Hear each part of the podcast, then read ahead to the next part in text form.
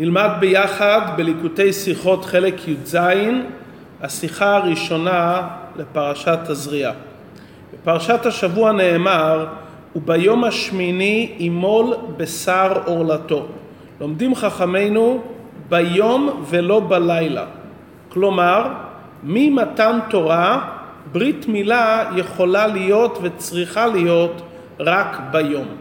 לפני מתן תורה, ברית מילה יכלה להיות גם בלילה. יש במסכת שבת לימוד נוסף לכך שמילה צריכה להיות ביום, מה נאמר בפסוק הוא בן שמונת ימים, שנאמר לגבי אברהם אבינו.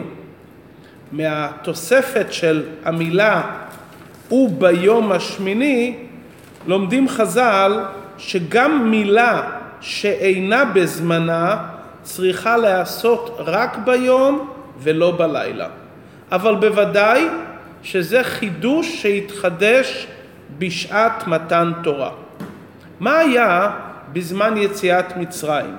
מסופר במדרש דבר מעניין מאוד, שהרבה מבני ישראל לא קיבלו על עצמן למול במצרים. אמר הקדוש ברוך הוא שיעשו את הפסח.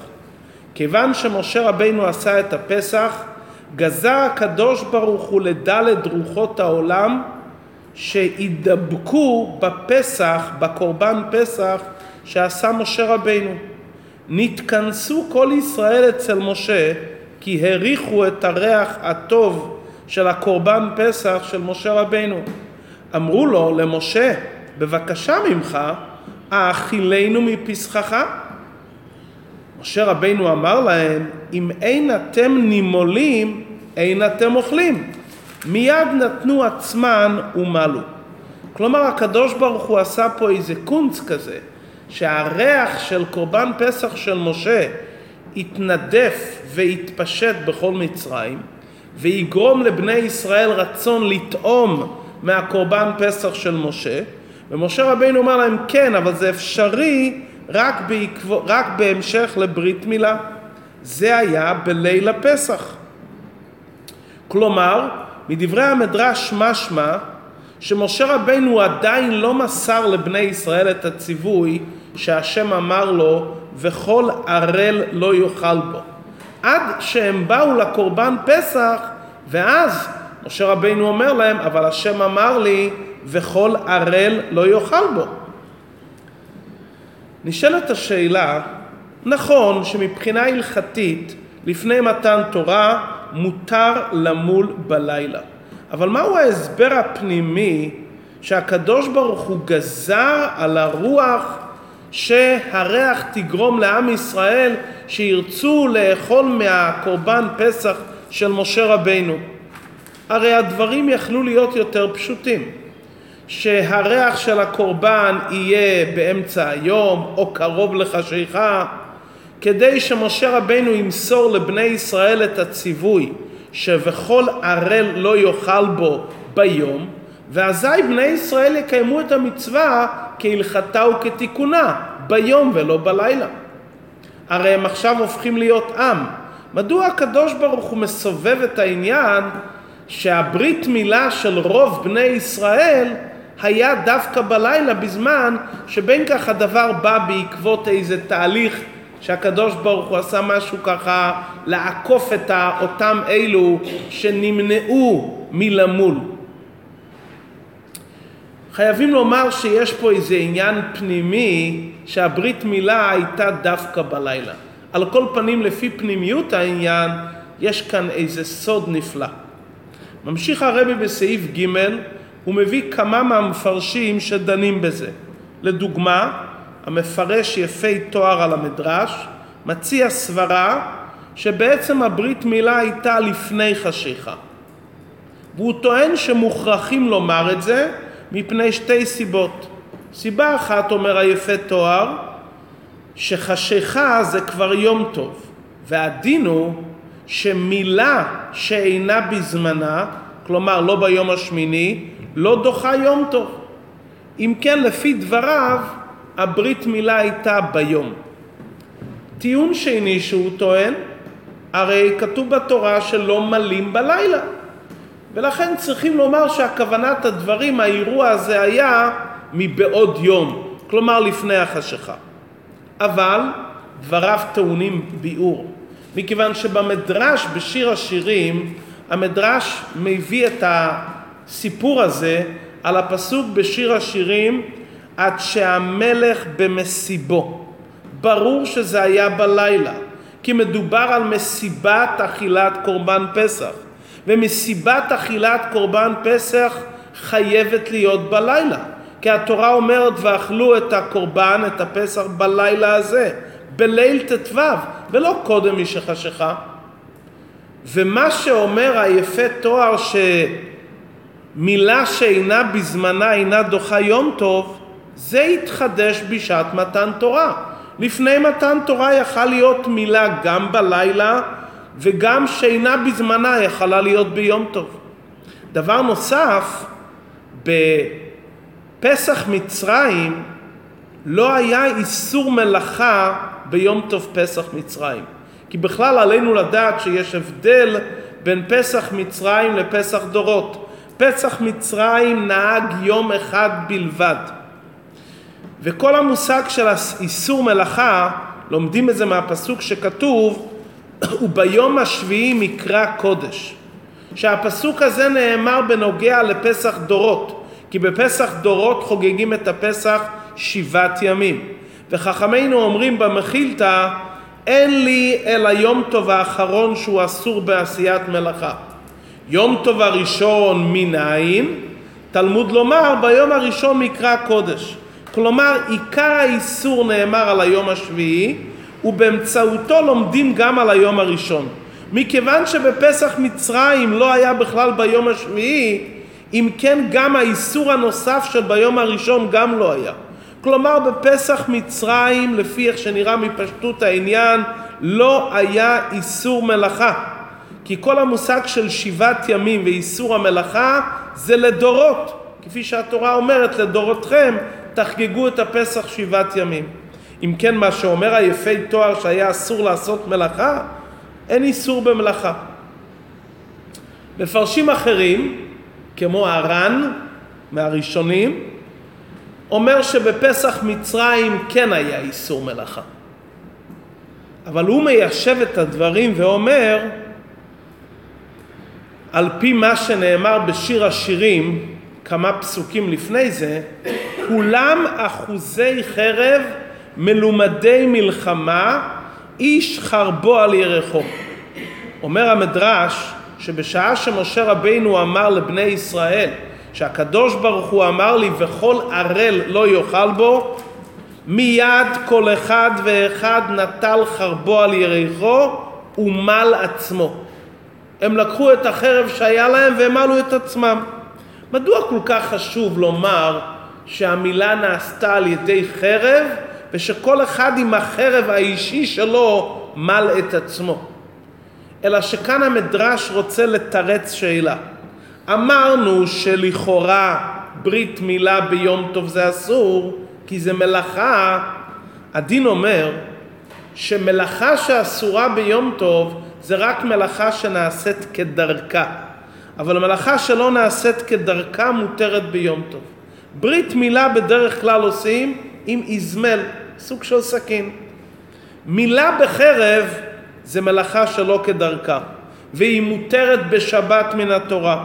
לכן הפסוק מדגיש, לפי דברי הר"ן, כולם אחוזי חרב מלומדי מלחמה, שכל אחד מהם לקח את החרב האישי שלו ומל את עצמו. זה לא החרבות צורים שלמדנו בזמן יהושע, שהקדוש ברוך הוא אמר ליהושע בכניסת בני ישראל לארץ, עשה לך חרבות צורים ושוב מול את בני ישראל שנית. אותם אלו שלא מלו את עצמם במדבר בגלל רוח מזרחית שהייתה מסוכנת לנימולים. זו חרב שמיועדת באמת לברית מילה. אבל כאן כתוב שהם לקחו כל אחד את החרב האישי שלו, מלומדי מלחמה. כלומר היה כאן ביצוע המצווה באופן לא רגיל לחלוטין, וזה לא נאסר ביום טוב. עד כאן ביור המפרשים בעניין, הן לפי ההסבר שהיה אסור מלאכה ביום טוב, והן לפי ההסבר שאין איסור מלאכה ביום טוב, כלומר בפסח מצרים. אבל נחזור לשאלה הראשונה והעיקרית. מפשטות העניין בני ישראל מלו את עצמם בלילה. השאלה בעינה עומדת על הקדוש ברוך הוא כביכול. מדוע הקדוש ברוך הוא לא גרם להם שיעשו את הברית מילה לפני הלילה, כדי שהברית מילה תהיה לכתחילה, וכמו שאנחנו יודעים היום, הוא ביום השמיני ימול בשר עולתו, ביום ולא בלילה. כדי לבאר את זה, נקדים עוד הסבר שמביאים האחרונים, כפי שהרבי מביא בסעיף A. תירוץ פנימי רוחני שקצת מתחיל לחבר אותנו לעניין הפנימי.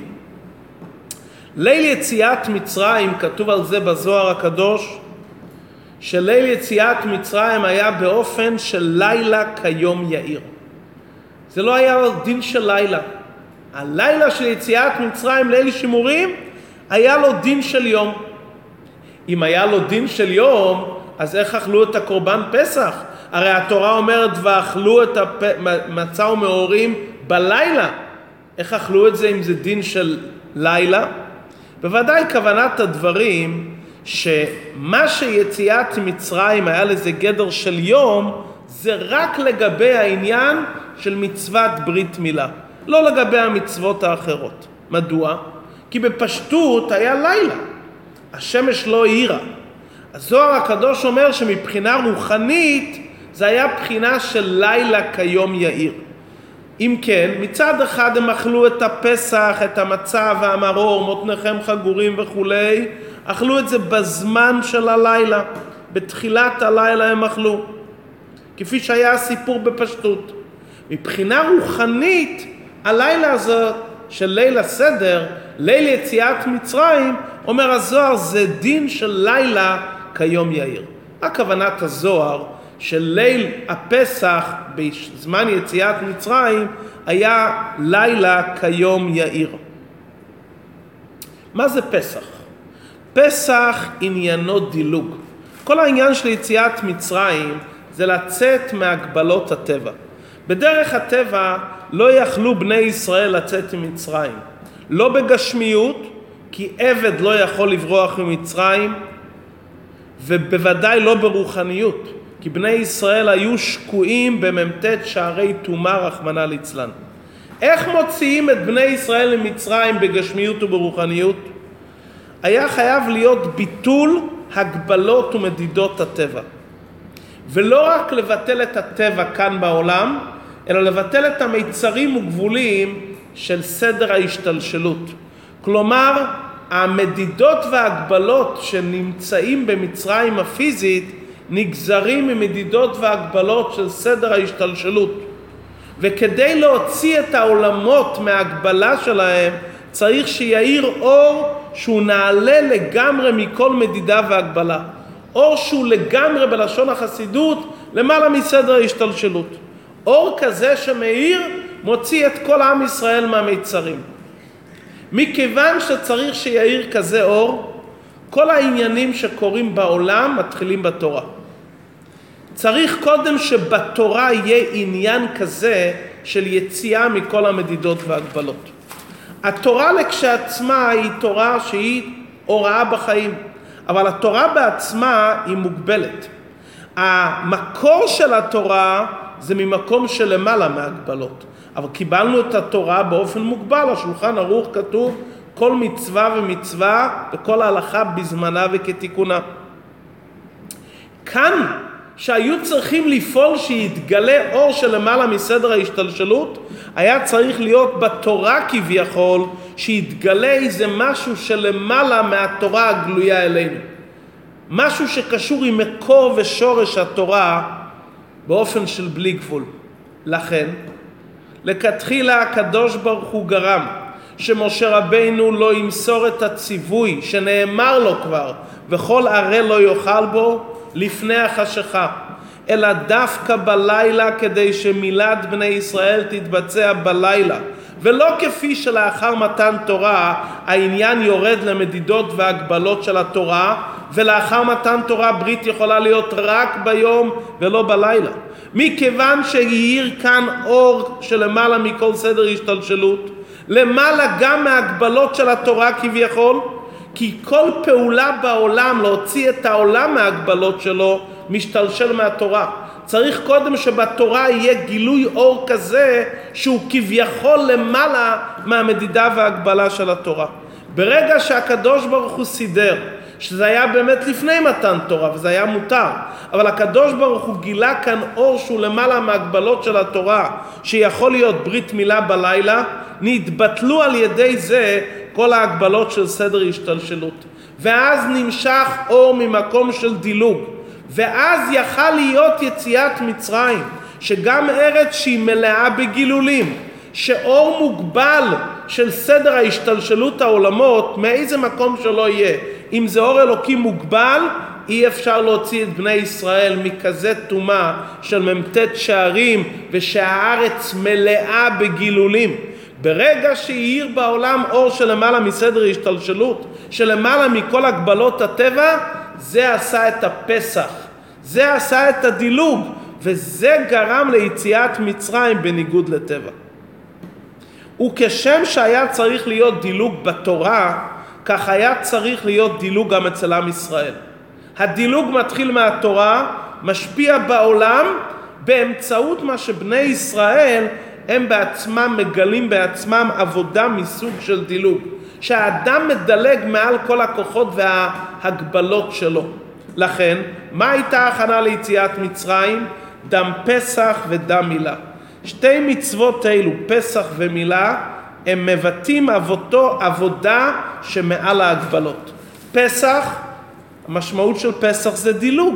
מילה, ברית מילה זה ברית עולם עם הקדוש ברוך הוא. קשר נצחי בלי שום הגבלות. ולכן מצינו בפסח ומילה דבר שלא מצינו בשאר מצוות עשה. הם, הם המצוות היחידות במצוות עשה שיש בהם חיוב כרת. מדוע? בדרך כלל מצוות עשה יש כל מיני סוגי עונשים. כאן המצוות הללו בלבד, קורבן פסח וברית מילה חיוב כרת אם זה לא נעשה. כשמדובר על דברים שהם למעלה מהשתלשלות, אין משהו ביניים.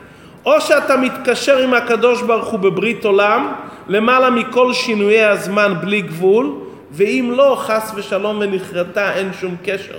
ישנם מצוות שבאו בהגבלה, זה מצוות שמבטאים את הקשר האינסופי, או כן או חס ושלום לא. אז פה אין, אין הגבלות בכלל, כמו שהתורה יוצאת מהגבלות שלה, כדי להוציא את עם ישראל מארץ שמלאה גילולים, גם ההגדרות ההלכתיות של פסח ומילה הן הגדרות שונות. ולכן הגילוי הזה של ולילה כיום יאיר ביציאת מצרים היה צריך להיות קשור עם ברית מילה. כי לילה כיום העיר הכוונה לומר שהלילה הזה אין לו הגבלות לא של לילה ולא של יום. יש פה משהו שהוא למעלה מלילה ויום. לילה שהוא בכלל לא בגדר לא לילה ולא יום. כי יש פה אור שלמעלה מסדר השתלשלות. איך זה מתבטא בעבודה הפרטית של היהודי?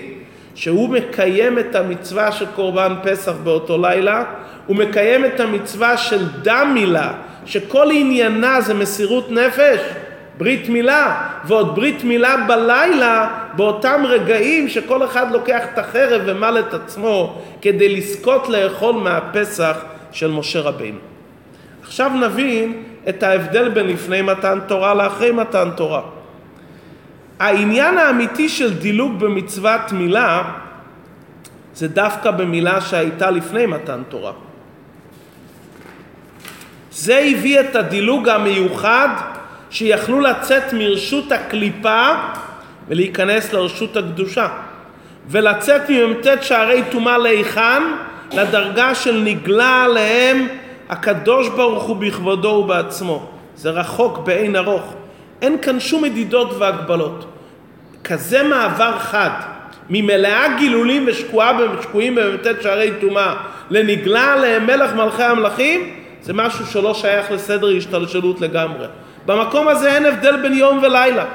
היה חייב שיתגלה כזה אור, גם בתורה וגם בעבודה של עם ישראל. אחרי מתן תורה, שבני ישראל כבר נהפכו להיות בני חורין, שבני ישראל נהפכו להיות קדושים, ובנו בחרת מכל עם ולשון, שזה קרה ביציאת מצרים, הם כבר נכנסו בתחום של הקדושה, הברית עולם של הברית מילה יכולה להיות גם בסדר של קדושה. לא צריך עכשיו דבר שהוא בלי גבול. לכן, כרגע יש על פי תורה זמן לברית מילה דווקא ביום ולא בלילה, מילה בזמנה, מילה שלא בזמנה, כפי כל פרטי הדינים. מדוע? כי היום כבר לא צריכים את האור הנעלה הזה שהיה אז.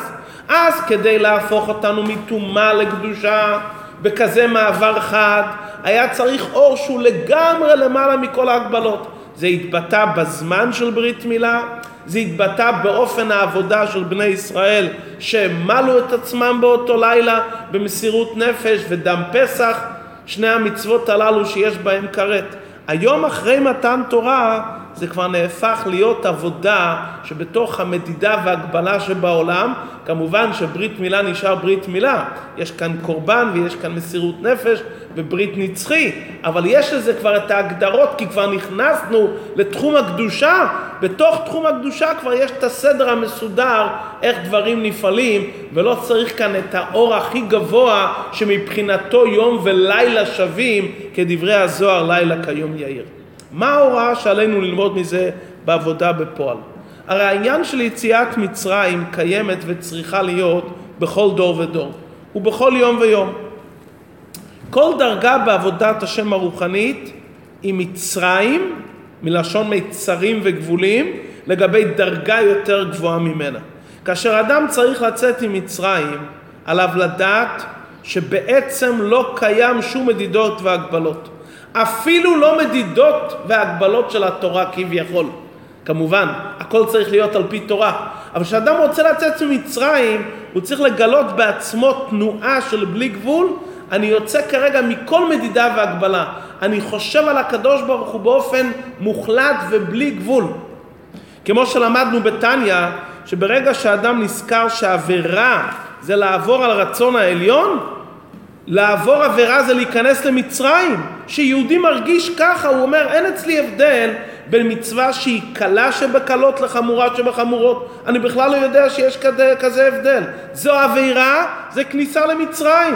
ומצד רצון העליון שהוא למעלה מהבנה והשגה ולמעלה מטעם ודעת, כל המצוות הן שוות. ולכן יהודי מתעורר בנקודה של מסירות נפש ואפילו קל שבקלים מבני ישראל יש לו את הנכונות המלאה למסור את נפשו אפילו על דקדוק קל של דברי סופרים והוא עושה את זה בלי שום חישובים ושיקולים. מדוע? כי מתעוררת אצלו הנקודה העצמית האינסופית של להתחבר לקדוש ברוך הוא זה במקום שאין שום מדידות והגבלות. אני לא רוצה לשמוע על מדידות והגבלות, אני רוצה להיות מחובר אליו בעצם. נכון שמצד ההלכה זו מצווה קלה וזו מצווה חמורה, אבל ברגע שמאיר אצלי שזה רצון העליון, והפך רצון העליון זה גלות מצרים, אז מה זה משנה איזה מצווה ואיזה קלות או חומרה של המצווה? ובעומק יותר, ברגע שיהודי נמצא בתנועה של בלי גבול, של יציאת מצרים, הוא יוצא מכל המדידות והגבלות, הוא לא מתחשב אם זה לילה או יום. הוא לא מתחשב אם בסביבה שלו יש אור או בסביבה שלו יש חושך. הוא לא מתחשב אם הוא עייף, הוא לא מתחשב אם יש לו רצונות ותאוות. הוא אומר, זה לא משנה, אני כרגע מחובר לקדוש ברוך הוא. זה לא משנה באיזה בחינה אני נמצא, אני חייב לצאת מזה. אני חייב לקחת חרב של גבורה, למעלה מטעם ודעת, ולמול את עצמי ולהתקשר לקדוש ברוך הוא, לקיים את רצונו בבחינת יסוד ברית עולם עם הקדוש ברוך הוא לעד ולעולמי עולמים.